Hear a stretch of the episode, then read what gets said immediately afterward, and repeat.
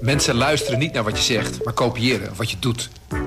Onze vitaliteitsexpert Martin Hersman helpt je te focussen op wat echt belangrijk is. Beluister en bekijk Martin of een van onze andere experts op businesswise.nl. Businesswise, het nieuwe platform voor iedereen met ambitie. Welkom bij de nieuwspodcast van de Volkskrant, waarin we je bijpraten over het belangrijkste nieuws van de dag. Vandaag wordt het MH17-proces hervat. Het is een bijzondere zitting, want vanaf vandaag doen tientallen nabestaanden van de slachtoffers hun verhaal. Mijn naam is Nathalie Ruiton en ik ga zo meteen bellen met onze verslaggever Maud Efting. Zij maakt een indrukwekkend interview met de nabestaanden over wat het spreekrecht voor hen betekent. Maar eerst bel ik met verslaggever Wil Thijssen. Ze volgt de strafzaak al anderhalf jaar voor de Volkskrant en praat ons bij over het proces. Goedemorgen Wil. Ja, goedemorgen Nathalie. Hi. Wil, wat gaat er vandaag precies gebeuren? Het MH17-proces. Nou, vanaf vandaag zullen nabestaanden van uh, slachtoffers van de MH17-ramp slachtofferverklaringen afleggen. Voor die verklaringen zijn de komende drie weken tien zittingsdagen uitgetrokken in de rechtbank op Schiphol. Ik ga er zo meteen naartoe. Nou, het is een ontzettend grote operatie, want nabestaanden worden verspreid of wonen verspreid over de hele wereld. Ze worden vanaf alle kanten van de wereld ingevlogen. Oh ja, ze zijn er echt fysiek bij aanwezig dus? Ja, ja. En sommige, sommige met uh, televerbindingen, maar sommige worden echt ingevlogen. En een verklaring moest allemaal door advocaten op schrift worden gesteld en beoordeeld of ze voldoen aan uh, regels die gelden voor het spreekrecht. En tien zittingsdagen is ook best wel veel, toch? Dat, uh... Ja, maar het gaat natuurlijk ook om heel veel nabestaanden van heel veel slachtoffers. Hoeveel mensen gaan er spreken? In totaal, in totaal nou, tenminste 91 nabestaanden, onder wie 63 Nederlanders willen gebruik maken van hun spreekrecht. En ze krijgen allemaal maximaal 25 minuten de tijd. Jeetje, ja, ja. Hey, en waar zitten wij nu in het, uh, in het strafzaak? Want het is natuurlijk al anderhalf jaar bezig. Nu komen dus de nabestaanden. Hoe moeten we dat voor ons zien? Wat, wat gaat er de komende tijd gebeuren? Uh, nou, de eerste voorbereidende zitting in de rechtbank op Schiphol was 9 maart 2020, zoals je misschien nog herinnert, vorig jaar. En dit jaar op 7 juni begon de inhoudelijke behandeling. En nu zijn de strafbare feiten behandeld. Belastend en ontlastend bewijs is aan de orde gekomen. En de rechters hebben een schouw gedaan, heeft heel veel media-aandacht gekregen uh, bij de reconstructie van het wrak. En nu is het woord dus aan de nabestaanden, die gebruik mogen maken van hun spreekrecht. En hierna komen nog de persoonlijke omstandigheden van de verdachte aan bod. En dat zal alleen zijn uh, de persoonlijke omstandigheden van de Rus Oleg Pulatev. Want het is de enige die zich laat vertegenwoordigen, zoals je waarschijnlijk weet. Andere verdachten hebben zich niet gemeld. En daarna worden nog vorderingen ingediend uh, tot schadevergoeding. Die worden behandeld van de nabestaanden. En dan komt nog het Openbaar Ministerie met haar requisitor, met haar visie op de feiten en strafeis. Daarna mogen de advocaten van, uh, van verdachte Pulatov nog een pleidooi houden. En een verdachte krijgt altijd het laatste woord. Dus, dus dat is in dit geval ook Pulatov. En daarna pas gaan de rechters kijken uh, hoe ze gaan vonnissen en wanneer. Welk jaar zitten we dan, als die uitspraak verwacht wordt? Nou ja, ik verwacht dat die uitspraak misschien wel komend jaar ergens wordt verwacht. Maar dit is pas het proces een eerste aanleg. Hè. Daarna kunnen advocaten beroep aantekenen wat ze naar verwachting ook zullen gaan doen. Dus het kan nog jaren gaan duren. Voordat er een definitief antwoord komt, ja. En jij zei net al even, die verdachten die zijn er niet bij, hè? Um, wat betekent dat voor het proces? Uh, nou, een verdachte heeft het recht en niet de plicht om uh, op zitting te verschijnen. En als de rechtbank het nodig vindt dat een verdachting op zitting aanwezig is, kan een bevel medebrenging worden gegeven. Zo werkt dat in Nederland. Als een verdachte zich in het buitenland bevindt, en dat is hier dus het geval, dan is de vraag of Nederland een verdrag heeft met het betreffende land en om uitlevering kan vragen. Maar dat is met Rusland en Oekraïne niet het geval. Dus de, dus de drie afwezige verdachten kunnen bij verstek wel worden veroordeeld zonder dat ze aanwezig zijn. En hebben ze wel een advocaat dan die erbij is? Of is dat ook allemaal... Ja, ja, ja die de, de, eh, de Rus Oleg Pulatov die laat zich vertegenwoordigen door twee Nederlandse advocaten van het kantoor Shukreuna van Sticht en door een Russische advocaat. Oké, okay, en die anderen die hebben helemaal niets van zich laten horen? Of? Nee, die, uh, nee die, die blijven gewoon helemaal afwezig. Ja. Hey, je hebt veel rechtszaken bijgewoond. Heb je ooit wel eens meegemaakt dat zoveel mensen gebruik maken van een spreekrecht, dat dat tien zittingsdagen duurt? Nee, en dat is bij mijn weten ook nooit eerder gebeurd. En dat komt natuurlijk door het grote aantal slachtoffers, 298 inzittenden. En door het feit dat de ramp, het neerstorten van het vliegtuig, het onderwerp is van strafrecht. En dat komt weer doordat het geen ongeluk was, maar omdat het vliegtuig doelbewust met een raket is neergeschoten. Een aanslag, ja. Ja. ja, ja. Oké, dankjewel uh, Wil. Uh, veel sterkte vandaag en uh, we gaan het snel lezen.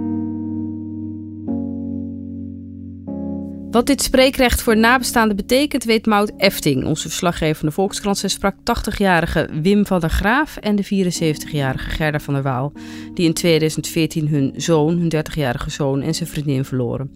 Wim van der Graaf zal spreken in de rechtszaal. Maud, hoe gaat het met dit echtpaar zeven jaar na de ramp? Ja, ja, ze zijn heel uh, dapper en strijdbaar. Maar uh, eigenlijk uh, zitten ze nog altijd midden in die rouw. En dat komt niet alleen door het verlies van die zoon. Maar ook omdat dit proces al zo lang duurt. En zo lang zich voortsleept. En dat, dat gijzelt hen eigenlijk. En, en, ze zitten een soort gevangen daarin. En Rusland uh, ontkent, de verdachten ontkennen. Niemand neemt verantwoordelijkheid. En dat maakt hen heel erg boos en gefrustreerd. En ik sprak ook die advocaat van hen. En die zei van ja, dit, dit loopt als een rode draad door al die uh, slachtofferverklaringen heen. Heel veel mensen zijn boos en gefrustreerd.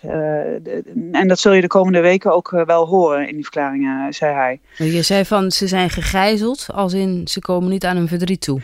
Nou, jawel. Maar er is geen moment dat het stopt. En ze hebben het idee dat dit eigenlijk nog uh, eeuwig uh, gaat duren. En uh, die vader omschreef dat ook heel goed aan mij. Hij zei, ik voel me als een patiënt die al, al zeven jaar in de wachtkamer zit van de dokter. En waarbij de assistente steeds naar buiten komt en zegt, u bent nu echt bijna aan de beurt.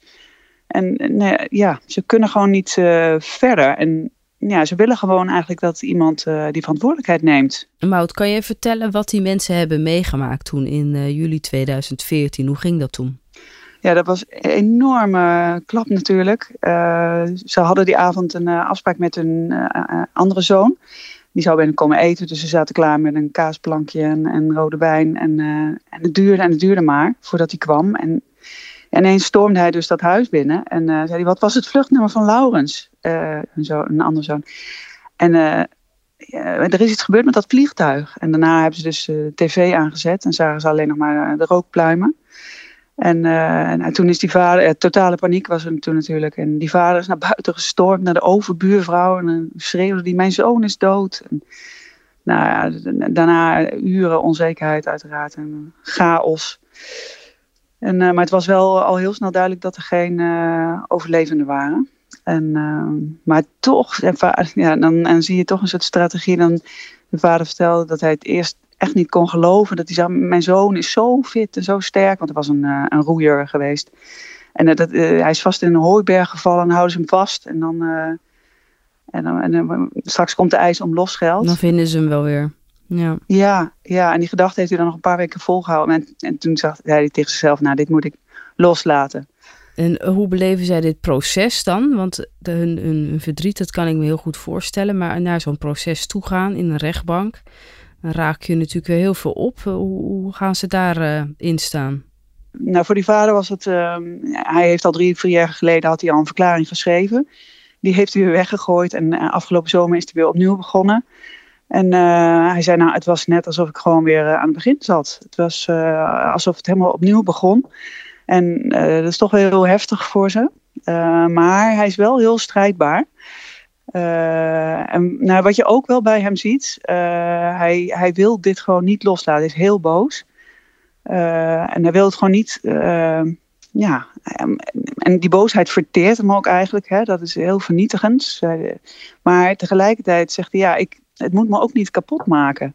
Maar hij zei: ja, ik weet eigenlijk niet wanneer ik het dan goed doe. Dat is heel dubbel, hè? Want enerzijds het, het niet erin vast willen blijven houden, er vast aan blijven houden. En anderzijds er niet aan onderdoor willen gaan. Dat lijkt mij, neem aan dat je daar met ze over hebt gepraat. Dat lijkt me een heel erg lastige combinatie. Ja, dat is absoluut heel, heel moeilijk voor hem. En, uh, en het ingewikkelde is ook nog wel, en dat zie je natuurlijk ook wel vaker bij uh, nou ja, echtparen of ouders, dat zijn vrouw er uh, heel klein beetje anders mee omgaat. zij is nu na zeven jaar, zegt ze ja, ik, ik wil proberen te gaan accepteren. En uh, ja, het lot is iets dat je overkomt, maar uh, je kan wel altijd kiezen uh, hoe je daarmee omgaat. En ik wil toch steeds minder proberen om een slachtoffer te zijn. En ze zei ook, maar ze zei ook van, dat lukt lang niet altijd. Nee, ja, dat is, lijkt me ook lastig inderdaad. Dat partners gewoon verschillend daarmee omgaan. Hè? Er zullen ook wel wat relaties onder druk komen staan. Als de ene verder wil en de ander wil het juist vast blijven houden. Ja, zeker. Ja. Nee, daar hebben ze ook wel hulp bij gehad. Maar ze gaan heel liefdevol met elkaar om hoor. Dus dat wel, maar dit is heel zwaar voor ze. Ja. En wat, wat hoopt uh, die vader die dus gaat spreken, wat, wat hoopt hij te bereiken hiermee? Is dat toch, toch een soort afsluiting dan? Nou ja, hij wil vasthouden. dus hij wil toch doorvechten. Dus uh, ik weet niet of het echt een afsluiting is, maar hij vindt het wel heel belangrijk om dit te doen. Ze hebben ook bijvoorbeeld, uh, nou ja, de, de ouders van uh, de vermoorde Anne Faber hebben ook nog een verhaal gehouden afgelopen vorige week, volgens mij voor hen. En die zeiden, dit is eigenlijk het laatste, die moeder had het gezegd, dit is eigenlijk het laatste wat je nog voor je kind kunt doen.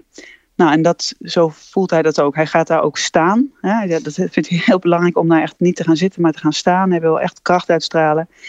En tegelijkertijd denkt hij, ja, uh, een generaal had tegen hem gezegd van, uh, ja, vergeleken met uh, de Russen zijn wij gewoon maar watjes. Dus hij, ja, hij vreest ook wel dat het misschien helemaal geen indruk maakt op die Russen. de verdachten zijn natuurlijk ook niet in de zaal aanwezig. Um, maar goed, hij wil dit, uh, hij wil dit toch uh, doen. En, um, ja. en de moeder, de, dat is ook normaal, die wil, die wil juist niet spreken. Ze zegt, ik heb het eerste jaar alleen maar gehuild. En, en ze is op zich niet bang voor tranen, maar ze zegt, ik wil tijdens zo'n verhaal, slachtofferverklaring, wil ik juist niet huilen. Want mijn verhaal moet dan wel duidelijk klinken. Hè? Dat mag niet worden, worden verstoord door die traan. Dus zij wil dat juist niet doen. Zij laat het aan hem over dan. Wil, die zei net ook al dat het proces misschien nog heel lang gaat uh, duren. En jij zei al, die verdachten zitten helemaal niet in de zaal. Hebben die um, nabestaanden het vertrouwen dat er uiteindelijk, als er iemand veroordeeld wordt, dat die verantwoordelijken ook uh, hun straf zullen krijgen? Nou, ze hebben eigenlijk niet het idee dat er goede. Ik bedoel, er, zitten militairen in de rechtbank, zoals uh, hun advocaat zei. De, de, de uitvoerders zitten daar. Maar de hoger geplaatsten, die, die zitten daar helemaal niet. En daar, ja, daar zijn zij natuurlijk ook wel gefrustreerd over. De verdachten zijn eigenlijk de uitvoerders. En dat zijn niet de hoger geplaatsten die hiervoor uh, verantwoordelijk zijn, uh, of mogelijk verantwoordelijk zijn. Dus dat frustreert hen ook heel erg. Dat zelfs als de verdachten veroordeeld worden, dat de verantwoordelijken niet uh, achter tralies zitten. Ja, want wie heeft hen aangestuurd? Daar gaat het natuurlijk om. Ja, en wat hen ook nog frustreert over deze zaak, uh, is wel belangrijk om te weten. Zij zeggen ja, het gaat hier nu heel erg over deze verdachte, maar je hebt eigenlijk ook nog heel, heel andere zaken die spelen. Ik noem maar wat, de vliegmaatschappijen. Uh, die toch dat vliegtuig over, over lieten vliegen op 10 kilometer hoogte. Terwijl hè, de, hoogte was verhoogd. Hè. Um, en waarom hebben ze dat gedaan? Maar hij zegt, die, blijven totaal buiten schot. Uh, Oekraïne dat gewoon dat vliegtuig daar laat vliegen. En hij zegt, ja, waarom komen deze zaken... Ja, hij snapt wel dat het niet in deze zaak aan de orde komt. Maar hij, ja, de, hij vindt wel dat dat uh, aan de orde moet komen. Dit was de nieuwspodcast van de Volkskrant. Het is een nieuw experiment. Laat ons vooral even weten wat je ervan vindt. Dat kan via innovatie.volkskrant.nl. Bedankt voor het luisteren en tot de volgende keer.